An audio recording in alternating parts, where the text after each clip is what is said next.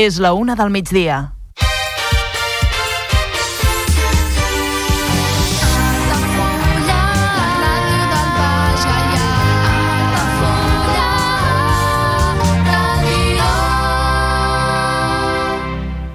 Altafulla Ràdio. Serveis informatius.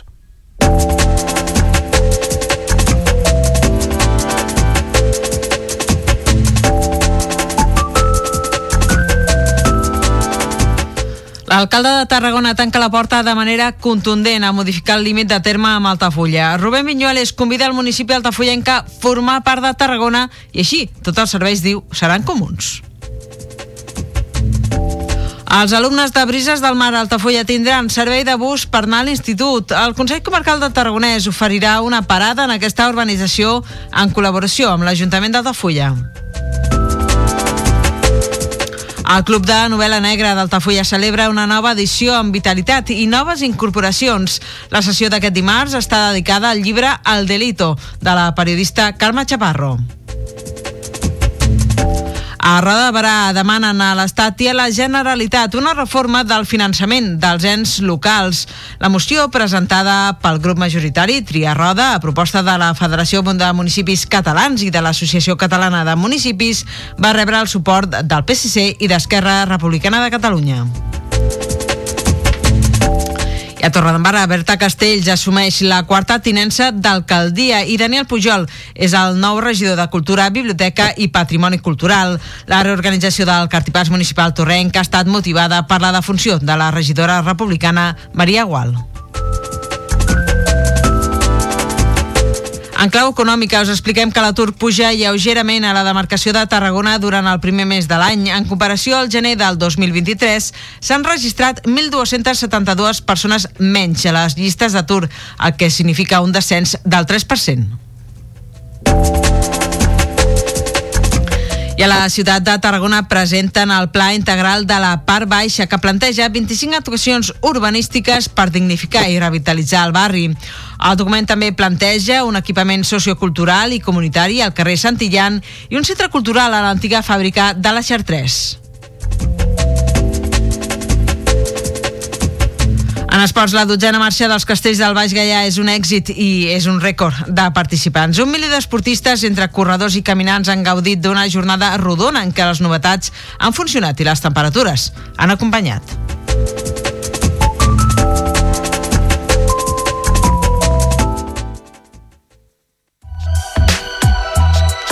Altafulla Mar Hotel. Esdeveniments familiars, comunions, batejos i casaments i reunions d'empresa. Sales privades amb llum natural, terrassa i accés al jardí, des de 10 fins a 200 assistents.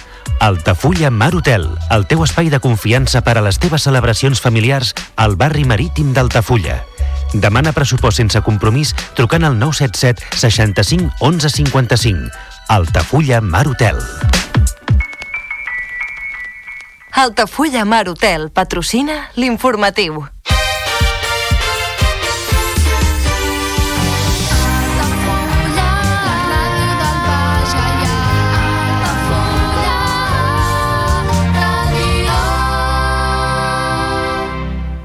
Altafulla Ràdio.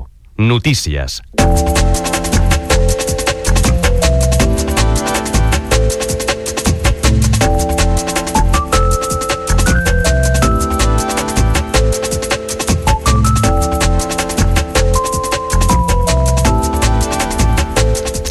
L'endemà que el govern d'Altafulla anunciés la seva intenció de demanar ampliar el terme municipal fins al riu Gallà, l'alcalde de Tarragona, Rubén Viñuales, en donava la rèplica a través d'una nota de premsa emesa des de l'Ajuntament de Tarragona. En contundència i un to que s'intueix com a mínim sorneguer, Viñuales ja afirma que, òbviament, diu no canviaran el límit municipal de Tarragona, però, si volen, el municipi d'Altafulla pot formar part de Tarragona i així tots els serveis seran comuns. Són uh, paraules de l'alcalde, unes uh, declaracions escrites a les que es fa referència a una de les justificacions de la demanda. I és que Altafulla, actualment, presta serveis municipals, com per exemple la recollida de la brossa o l'atenció policial en aquestes zones que ara es reclamen i que pertanyen oficialment al terme terme de Tarragona. L'alcalde de Tarragoní tanca la porta, doncs, a les expectatives d'entesa plantejades des de l'Ajuntament d'Altafulla entre amb dues administracions per atendre una de les reivindicacions històriques del municipi, com és que allò que en l'imaginari col·lectiu es considera que pertany a Altafulla efectivament ho sigui. Terrenys que acullen l'estació de trens d'Altafulla o l'aparcament, que per cert sustenta econòmicament l'Ajuntament, o bé el bufet d'Altafulla i la gasolinera, i també la zona del Vinyet fins a tocar la desembocadura del riu Gallà. Són un total de 700 de 70 hectàrees d'extensió que permetrien definir una frontera natural com és el riu per separar amb dos municipis, tal com planteja el consistori Altafollenc. A través de la mateixa nota de premsa, Vinyoles afirma que per modificar els límits d'un terme municipal calen, diu, dues coses. O bé que els dos municipis hi estiguin d'acord, la qual cosa, òbviament, no és el cas, o que hi hagi un error greu en l'actual delimitació, que diu tampoc és el cas. Per tant, només és, diu Vinyuales, la manifestació d'una voluntat política. Des de l'Ajuntament d'Altafulla ja van expressar en fer l'anunci aquest divendres que si no hi havia acord amb Tarragona seria la Generalitat qui hauria de prendre la decisió. A l'espera de la reunió que ha de tenir lloc aquest mateix divendres entre amb dos consistoris Sembla que efectivament l'administració catalana serà la que tindrà l'última paraula. Per cert, que per altra banda Vinyuales lamenta haver-se assabentat, diu, pels mitjans de comunicació d'aquesta notícia quan està prevista, com dèiem, aquesta reunió entre amb dues administracions. Es dona la circumstància, però, que la reunió que tindrà lloc aquest divendres, de fet, estava prevista inicialment ja per la setmana passada.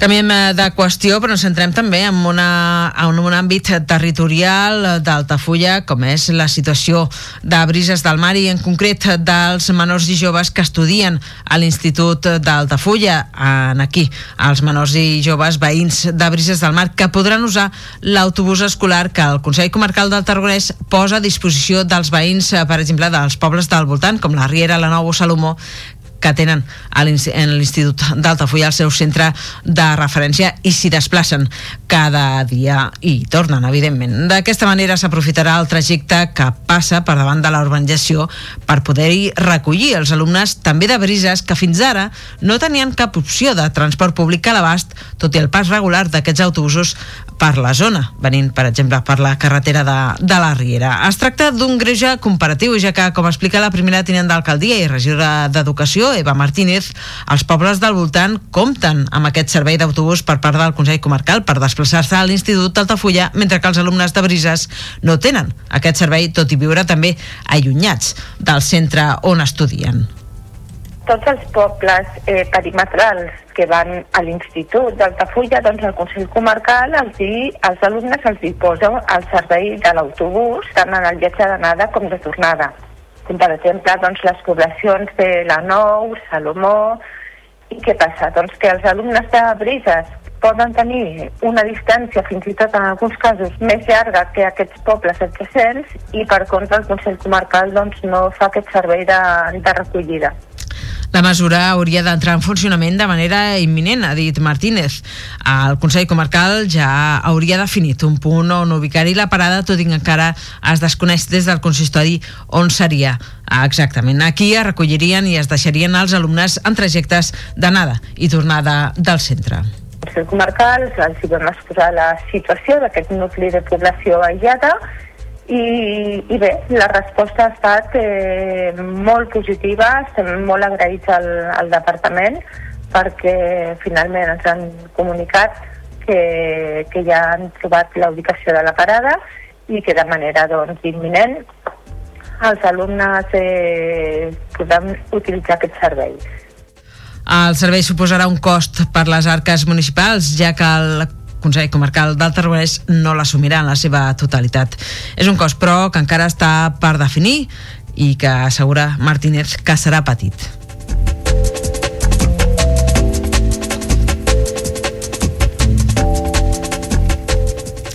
I el Club de Novel·la Negra de la Biblioteca Municipal d'Altafulla es troba en un bon moment de forma després de complir 11 anys d'existència, com així ho posa de manifest la seva responsable, Concha Núñez. Es tracta d'un club que compta amb més d'una trentena de membres i que mensualment es reuneix per parlar d'una obra literària amb el crim i el misteri com a principals protagonistes. A més, és un club de lectura força excepcional pel que fa a la seva composició, ja que hi ha membres del club que són homes, un uh, rara avis en el món dels clubs de lectura que curiosament no tenen gaires adeptes masculins.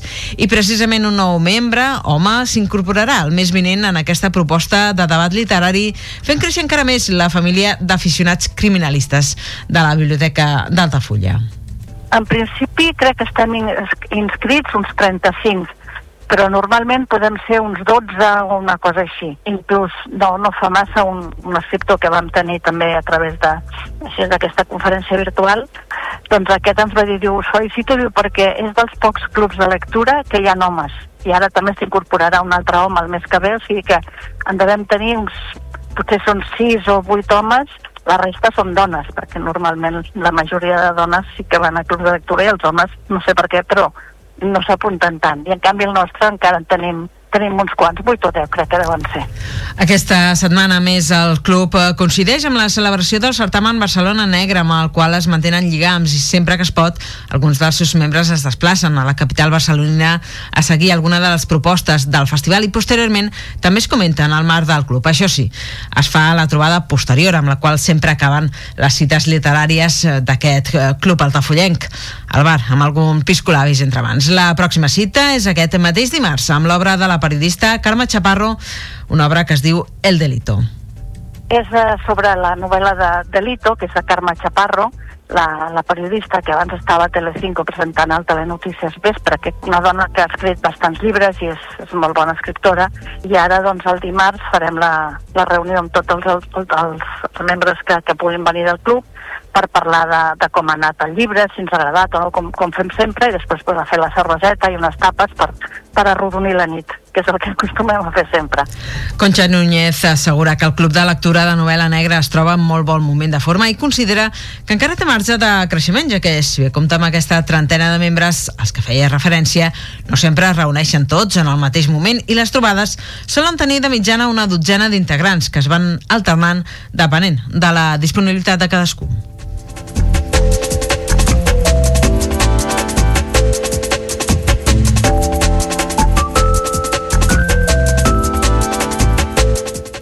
I anem ara cap a Roda de Barà perquè l'equip de, de govern del municipi, l'equip de Tria Roda, va portar a la sessió plenària del gener l'aprovació d'una moció per reclamar als governs de l'Estat i de la Generalitat una reforma estructural del sistema de finançament local que pugui assegurar el compliment del principi de suficiència financera.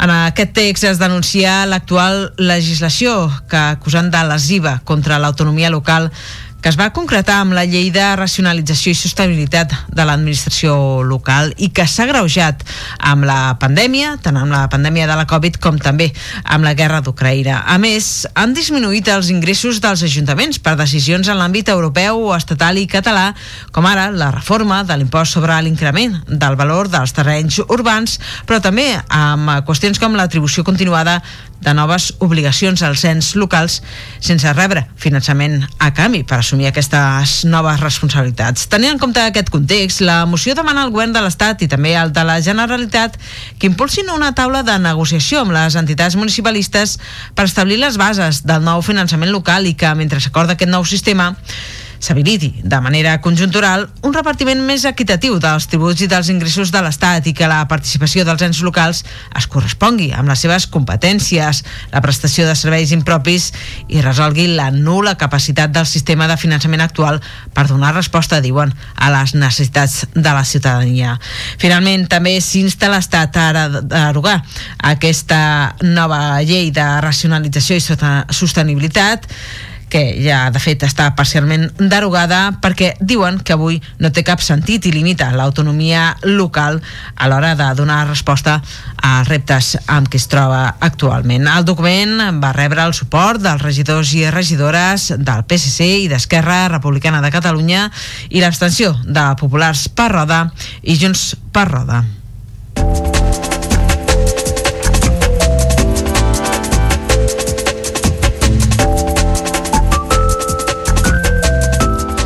I a Torredembarra, la regidora d'Esquerra Republicana, Berta Castells, ha estat nomenada quarta tinenta d'alcaldia i Daniel Pujol, regidor de Cultura, Biblioteca i Patrimoni Cultural. Es tracta d'una mesura que ha entrat en vigor aquest primer de febrer a través dels decrets corresponents signats per l'alcaldia. Aquestes noves delegacions s'han dut a terme amb motiu de la vacant produïda al grup municipal d'Esquerra Republicana per la defunció de la regidora Maria Gual Figuerola al mes de desembre passat. Cal recordar que Daniel Pujol va prendre possessió del càrrec precisament al ple ordinari del 25 de gener. Berta Castells, per la seva banda, a més d'assumir la quarta tinença d'alcaldia, manté les delegacions en matèria d'esports, activitat física i salut.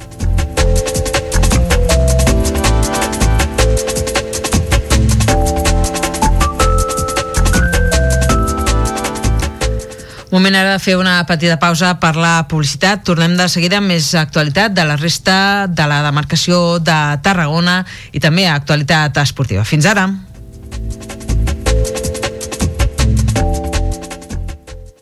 Ja coneixes les propostes que t'ofereix el Club Marítim Altafulla? Vine i descobreix totes les nostres activitats. Sortides en caiac o pa del sur, cursos de vela per a totes les edats. No t'ho perdis. Club Marítim Altafulla. Obert tot l'any i per a tothom.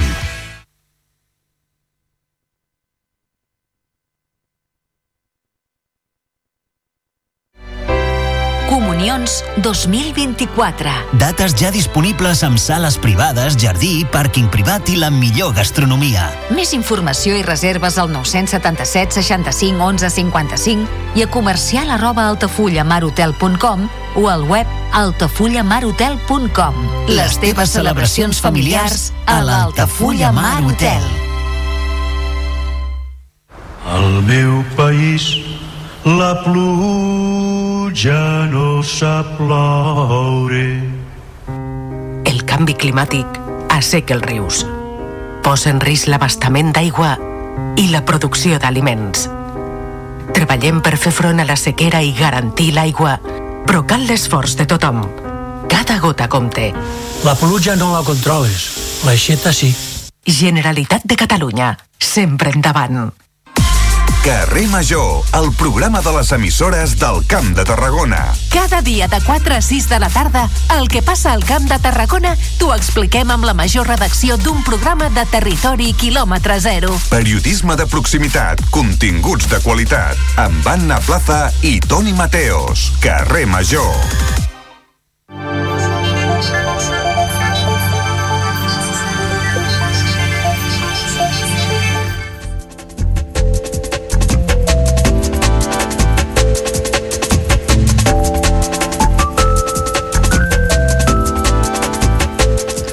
Reprenem l'informatiu d'aquest dilluns, 3 de 4, perdó, 5 de febrer del 2024, amb un apunt de l'actualitat econòmica. Us parlem de, de l'atur, que puja lleugerament a la demarcació de Tarragona durant el primer mes de l'any. El mes, així, el mes de gener s'ha tancat amb 40.300 persones inscrites a les llistes del Servei d'Ocupació de Catalunya, el SOC. Es tracta d'un augment del 0,81% respecte al mes de desembre o el que és el mateix, de 330 aturats més. En comparació al gener del 2023, s'han registrat, però, 1.272 persones menys a les llistes d'atur. Així doncs, és un descens, en aquest cas, del 3%. El sector que ha registrat major desocupació ha estat el de serveis, amb 375 aturats més, mentre que l'agricultura, la indústria i la construcció han guanyat treballadors. Per gèneres, hi ha 7.000 dones aturades més que no pas homes, i del total d'aturats, uns 3.000 tenen menys de 25 anys. Pel que fa a contractes, aquest gener se n'han signat 1.500 d'indefinits. És un 28% més que al desembre.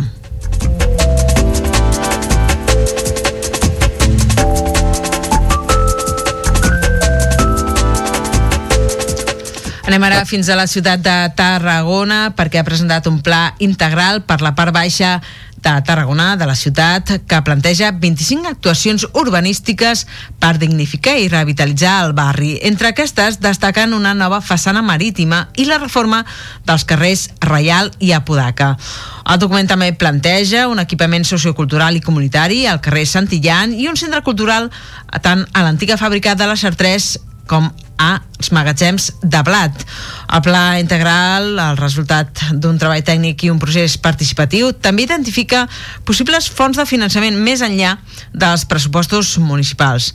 Tot just fa uns dies, en una entrevista al programa Carrer Major dels, eh, de les emissores en xarxa del Camp de Tarragona, el regidor d'Urbanisme i Patrimoni de Tarragona, Nacho García, destacava que aquest pla integral és un full de ruta i que també ha de facilitar l'accés a possibles subvencions per tirar-lo endavant. Això ens anirà molt bé perquè no només tenim un full de ruta sobre el que hem de fer i com programar les actuacions a la part baixa, sinó també perquè ens permetrà eh, acollir-nos a possibles subvencions que puguin sortir d'altres administracions per fer realitat aquest pla integral, que com la pròpia paraula diu, no, és integral i no és només urbanístic. Hi ha una part d'intervenció social també molt important que, que ha d'ajudar a la transformació d'un barri que evidentment està en una situació complexa, difícil, que ha patit una degradació en els darrers anys i el Pla Integral de la Part Baixa de Tarragona també ha permès fer una anàlisi demogràfica i socioeconòmica d'aquesta zona i s'ha constatat que el barri del Port té una població més envellida que la resta de la ciutat i a la vegada força població vulnerable. A nivell urbanístic, el parc d'habitatges és força envellit també i és el barri que rep més ajuts de pobresa energètica. En l'àmbit comercial hi ha més de 200 locals buits.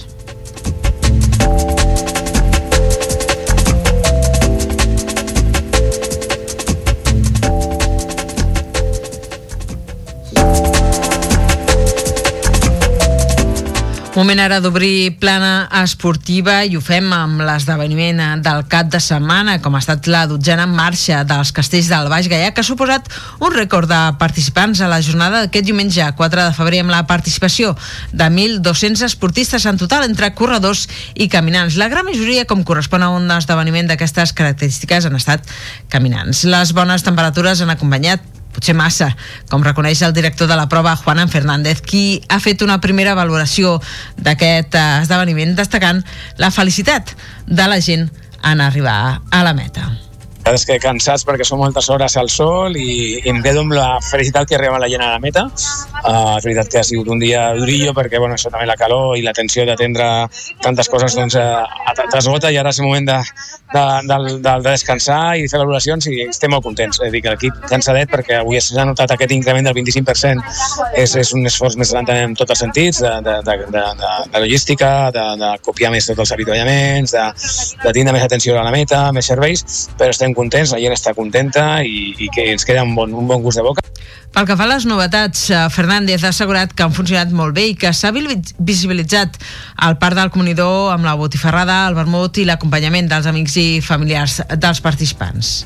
Eh, ja veureu, bueno, les xarxes socials heu vist, veureu, heu vist eh, vídeos, gent ballant, hem fet una masterclass de Zumba, la gent a la meta, que és el que buscava una miqueta, ha gaudit molt en les fotos que donaven gratuïtes i tot el servei de, el i la música, aquest, aquesta festa que volíem crear aquí al Parc de Comunidor ha sigut brutal. Hi ha hagut una hora, hora i pico, que ha sigut un espectacle molt, molt, molt xulo, la veritat. Seguint la mateixa línia, el regidor d'Esports de l'Ajuntament d'Altafulla, Àlex Canyes, ha fet una valoració positiva pel fet que els esportistes han fet possible que l'organització hagi assolit el repte d'arribar a aquest mes de miler de dorsals, sobrepassar aquest miler de dorsals. Per aquest motiu assegura que l'esdeveniment gaudeix de bona salut i que repercuteix directament en el municipi. Només ha calgut veure doncs, les cafeteries que estaven obertes abans de les 9 estaven plenes de tota aquesta gent que ha arribat abans i, i ha pogut fer doncs, el, el primer cafè o el primer esmorzar no? abans de, de l'inici de la prova i després, com bé dius, molta gent de fora que el que fa és que conegui Altafulla, alguns per primer cop, altres repeteixen i, i moltes vegades això es tradueix que, doncs, bueno, que tant cant de la vila que tenim fa doncs, que, que sigui una destinació turística eh, a causa d'aquesta participació en aquesta prova esportiva doncs, que això, no? intentant desestresar organitzar una mica doncs, el que són la, les proves i aquest turisme, buscant altres maneres de, de poder atraure vilatans i vilatanes a Altafulla. Com destaquen des de l'organització Running Solutions i el mateix Ajuntament d'Altafulla, molts dels participants repeteixen d'altres edicions, mentre que també hi ha un nodrit grup que hi ha participat per primera vegada.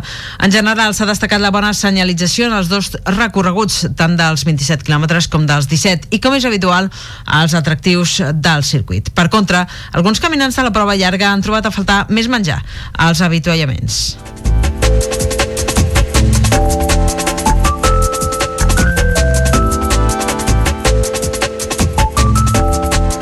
I canviem ara de disciplina, us parlem de futbol, perquè el Centre Esports Altafulla ha tancat la primera volta a la Lliga Femení 7 de Tarragona amb una petita victòria davant de l'Icomar. És un equip de la zona baixa de la classificació.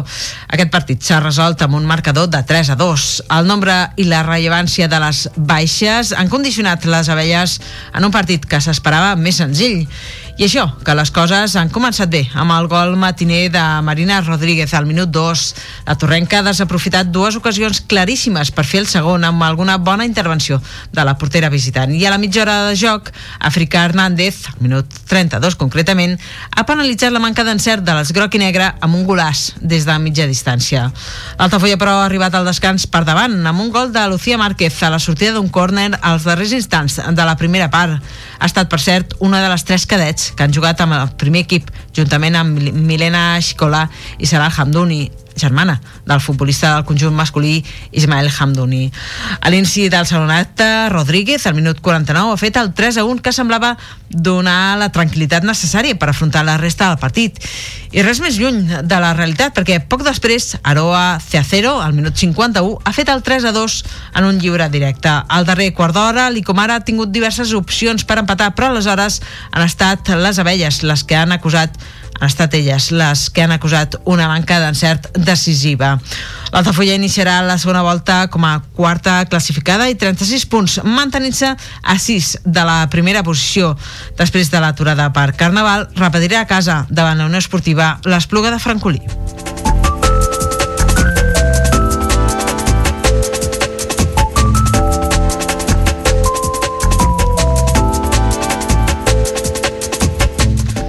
A punts eh, de l'actualitat esportiva que ens eh, conviden a posar aquí el punt final en aquest informatiu d'aquest dilluns 5 de febrer del 2024, com sempre en directe al 107.4 de la FM, de la freqüència modulada.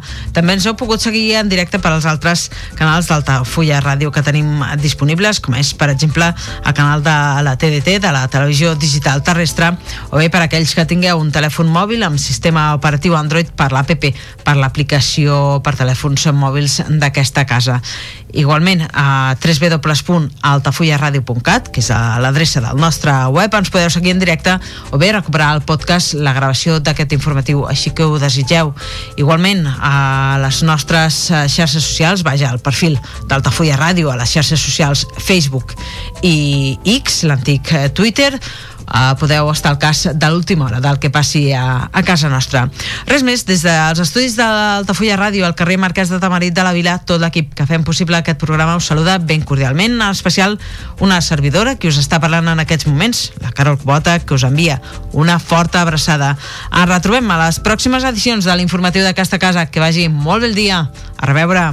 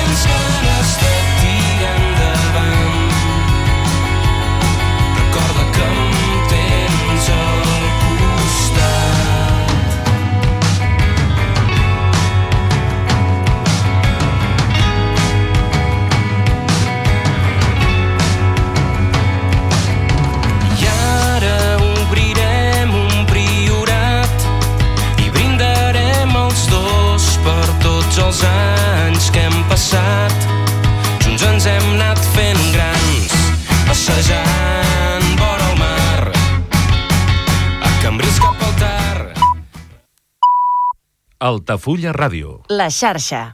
Ja coneixes les propostes que t'ofereix el Club Marítim Altafulla? Vine i descobreix totes les nostres activitats. Sortides en caia, copa del surf, cursos de vela per a totes les edats. No